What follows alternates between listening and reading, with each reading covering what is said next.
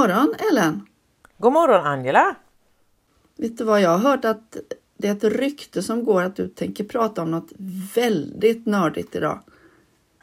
Jo, men jag tänkte så här, du vet, ibland när man lär sig saker så undrar man när kommer jag någonsin få användning för det här? Och det kan man ju faktiskt aldrig veta på förhand.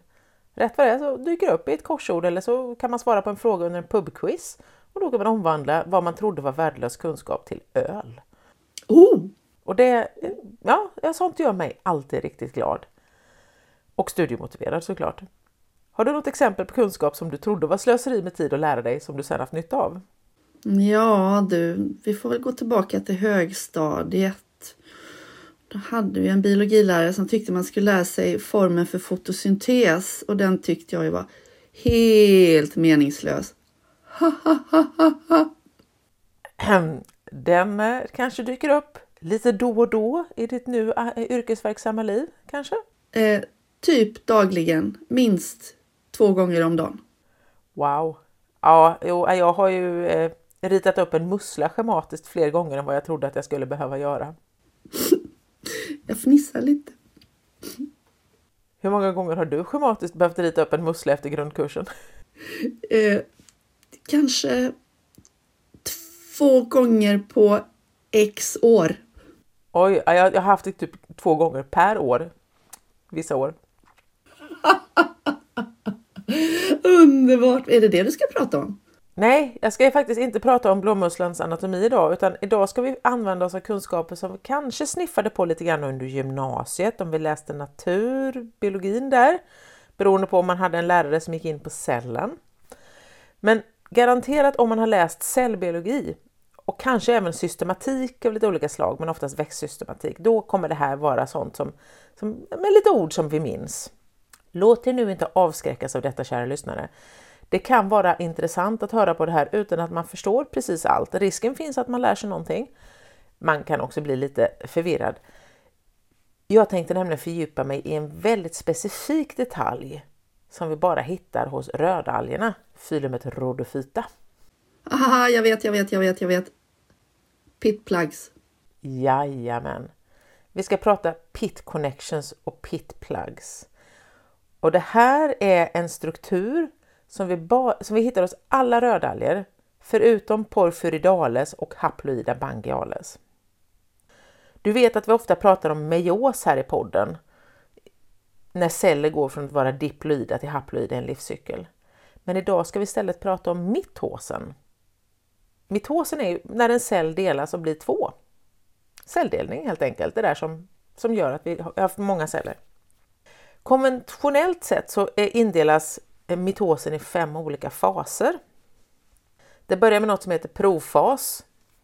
Sen kommer mellanläget prometafas. Sen kommer metafas, anafas och telofas. Och så avslutas det hela med någonting som kallas för cytokines. Vad som händer under de här faserna är i princip att DNA i cellen packas ihop, delas upp i två lika stora bitar och sen dras de isär. Och det sista är alltså den här cytokinesen, alltså sista fasen som avslutar celldelningen.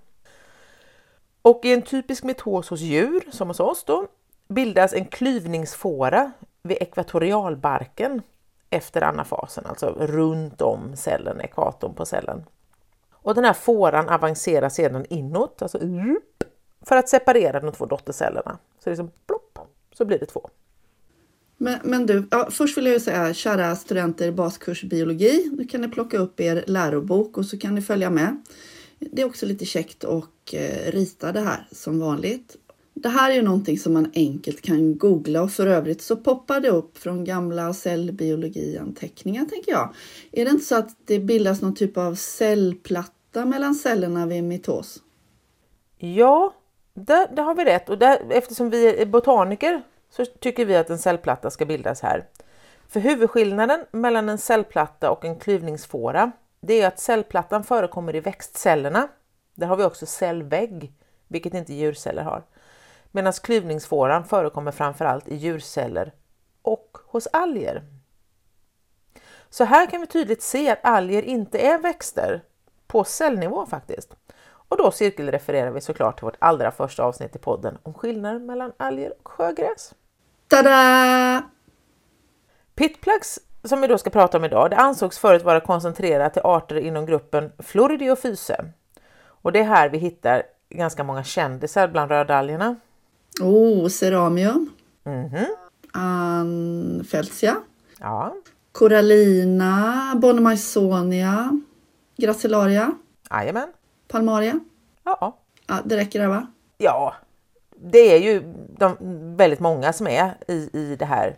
Men man har sen hittat att som sagt, som jag sa innan, att det är hos, alla utan just Porphyra-gänget och de här haploida Bangiales.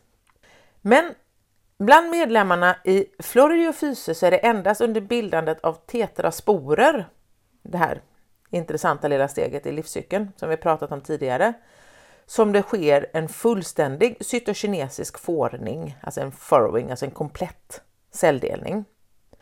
När alla andra celler delar sig, då är delningen initialt ofullständig. Cytokinesens fårning den börjar liksom att åh, vi ska nog bli två, men den slutförs inte.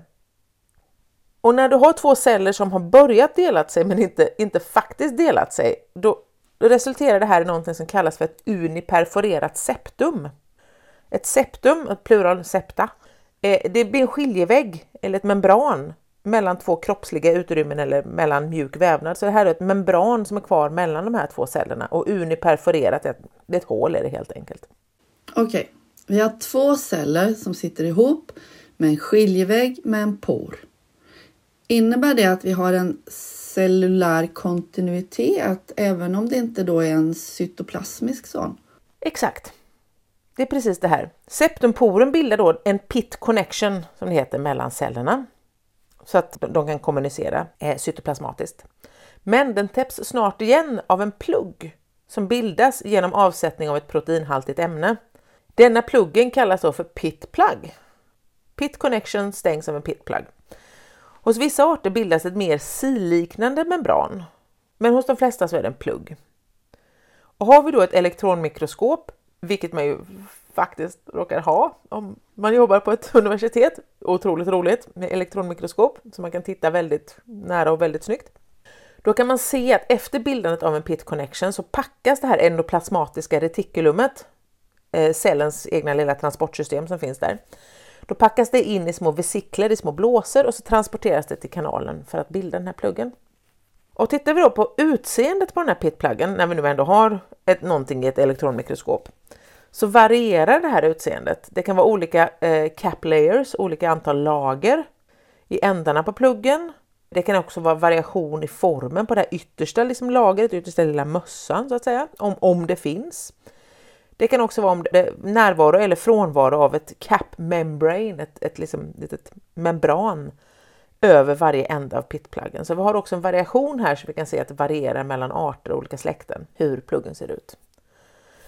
Och när vi då sidetrackar på den här, intressant nog så är det många svampar som innehåller någonting som kallas för septalporer. Det är askomyceten och basidiomyceterna som har det. De flesta många andra grupper saknar septa så är det en liknande struktur, men helt orelaterat fenomen. Men det finns där också. Men vi ska inte gå in på svampar för de är komplexa och väldigt mystiska.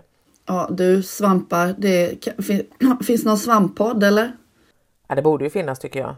Ja, om det inte finns någon svamppodd, ni där ute, starta en svamppodd så kan vi lämna det här. Ja, och så kan vi låta dem ta reda på hur deras septalporer fungerar. Utmärkt. Mm. Men det är lite cool ändå att det har uppkommit samma typ av struktur evolutionärt olika platser och tillfällen så att säga. Men tillbaks till våra pitplugs i våra rödalgsceller. Tittar vi på de här eh, pitplugsen så är de alltid singulära, det vill säga det är en, en förbindelse per cell. Och de är vanligtvis cirkulära, alltså runda, vilket är ett resultat i hur de bildas. Eftersom septum, den här skiljeväggen, bildas ju när väggarna i ett filament växer inåt och delar cellen. Så då kommer de utifrån och in och cellen är ju rund så det blir ett, ett runt hål i mitten i röret där väggarna liksom inte riktigt smälter samman. Så tittar vi då så är pit connection synliga i det yngsta eller nyast formade septa. Då ser man själva connectionen där innan den korkar igen. Däremot kan sekundära kopplingar uppstå mellan vad vi kallar för icke-relaterade celler och spelar en roll vid överföring av cellinnehåll och näringsämnen. och de kan till och med bildas mellan celler av olika arter. Som hos parasiten Holmsella. Vill du höra om parasiten Holmsella?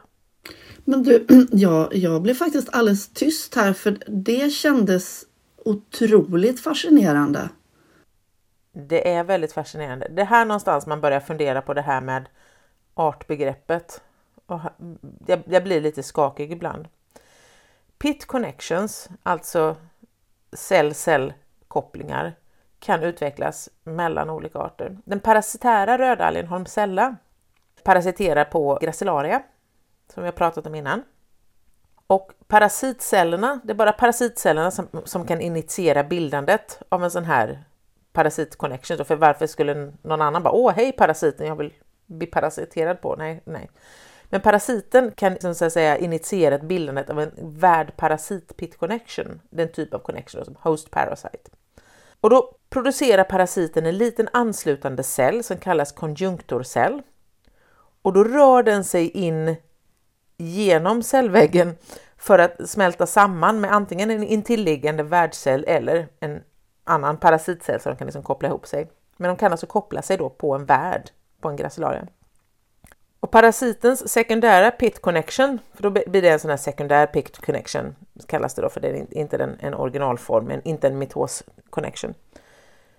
Som bildas då mellan den här konjunktorcellen och parasitcellen. Den skiljer sig strukturellt från en primär pit connection och den har en distinkt struktur som parasit värd connections har. Så man kan se, om man tittar man i ett mikroskop så kan man se att det här är en parasitvärd typ av pit connection. Den ser annorlunda ut. Men den kunde ju smälta samman med sin värd eller så kan den smälta samman med en annan parasitcell. Och då, och endast då, så kommer den här typen av konjunktorcell endast till en parasit-parasit pit connection. Så det, de bildar en cell som ska vara för att koppla till en, en värld. Men om de istället råkar koppla till sig själva, då känner de av det när det har hänt och då ändras strukturen så blir det en, en parasit-parasit connection istället. Det är ganska avancerat, eller hur? Alltså jag, jag sitter och funderar och tänker att det här avsnittet får vi nog ha någon typ av varningstext på. Ja, för det, det är väldigt pyttigt och väldigt eh, knepsigt. Men det är så otroligt intressant. Ja, och grejen är att om den här konjunktorcellen smälter samman med en värdcell, om den hittar, åh, oh, här var en gracilaria, koppel, koppel, då fortsätter den här pit connections att utvecklas till en värd parasitkoppling så att den liksom den, den har en start initial form som den sen då kan liksom utvecklas i olika beroende på vad den faktiskt kopplar ihop med. Och genom den här connectionen då, för det blir som ett litet sugrör nästan kan man säga, så kan den alltså sno näring från sin värld. Men ja, sidetrack vad, vad sekundära pit connections kan göra. Mm. Fast ändå, vad är liksom själva funktionen av PID plugs och pit connections? Fysiologiskt menar jag då. Mm. Man har ju länge trott att den intercellulära transporten av makromolekyler hos rödalger hindras av pitplugs eftersom den proppar igen den här kopplingen och pit connection, poren.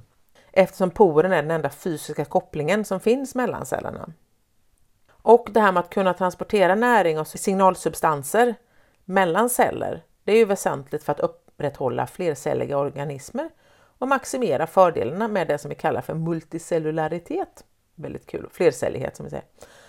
Men multicellularitet låter lite roligare. Men då har man såklart tittat på det här och visar att PIT connections har intercellulär transport i hastigheter som är jämförbara med plasmodesmata i andra organismer.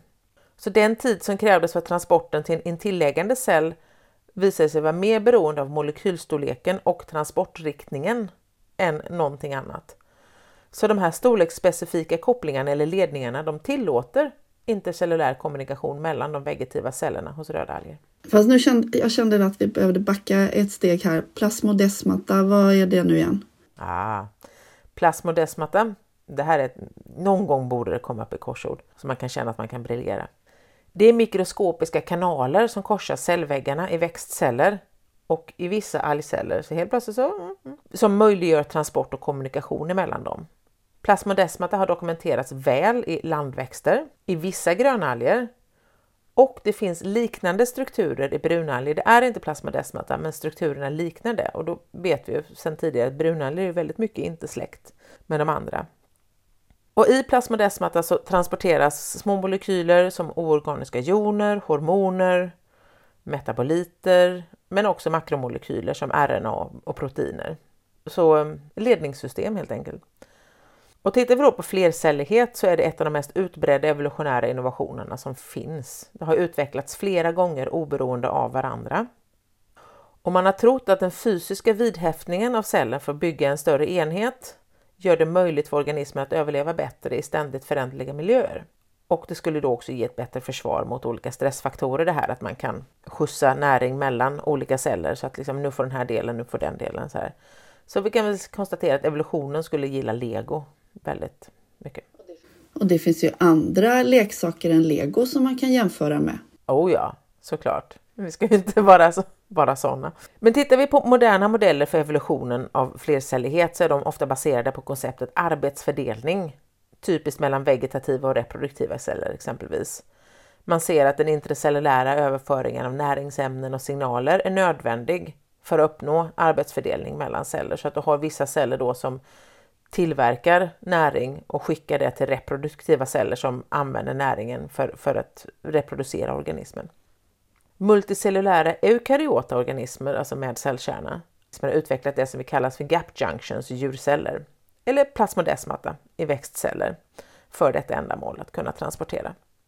Men rödalgerna då som vill vara lite speciella, lite grann som Frankrike ibland känner jag, skiljer sig helt, alltså de har utvecklat sin flercellighet helt oberoende av de här. De skiljer sig från andra flercelliga växter och alger genom att de saknar plasmodesmata och istället har dessa helt unika pitplugs. Hurra för pitplugs! Ja, eller inte. Det, det, var ju, jag minns från marinbotanik att pitplugs var någonting som tog en stund att, att brottas med. Ja, och jag kan ju då säga som eh, är marinbotaniker behöver ju rapportera upp de här grejerna kontinuerligt. Men jag tycker ändå det är en sån häftig sak hur det bildas, hur, du liksom bara inte avslutar en celldelning för att på så sätt få bibehålla en liten kanal som du sen bygger in med en plugg och framförallt det häftigaste som sagt, det tycker jag ju är det här när, när, du kan när du kan parasitera genom att bilda en sån här sekundär koppling och liksom länka på. Jag tycker det är fantastiskt. Men jag vill också serva våra lyssnare med det att när vi tittar på systematisk indelning eller filogeni får vi säga så, så sätter vi rödalger och grönalger under växtriket numera, men brunalgerna är kvar under protister. Jaha. Men det här kommer säkerligen att ändra sig om en liten stund, så fear not om ni har lärt er annorlunda. Det har en tendens att wobbla runt. Helt rätt. Men du, vi, jag tycker vi sätter en varningstext på det här avsnittet och eh, eh sen är det ju så att vi måste ju även serva våra riktigt nördiga lyssnare emellanåt.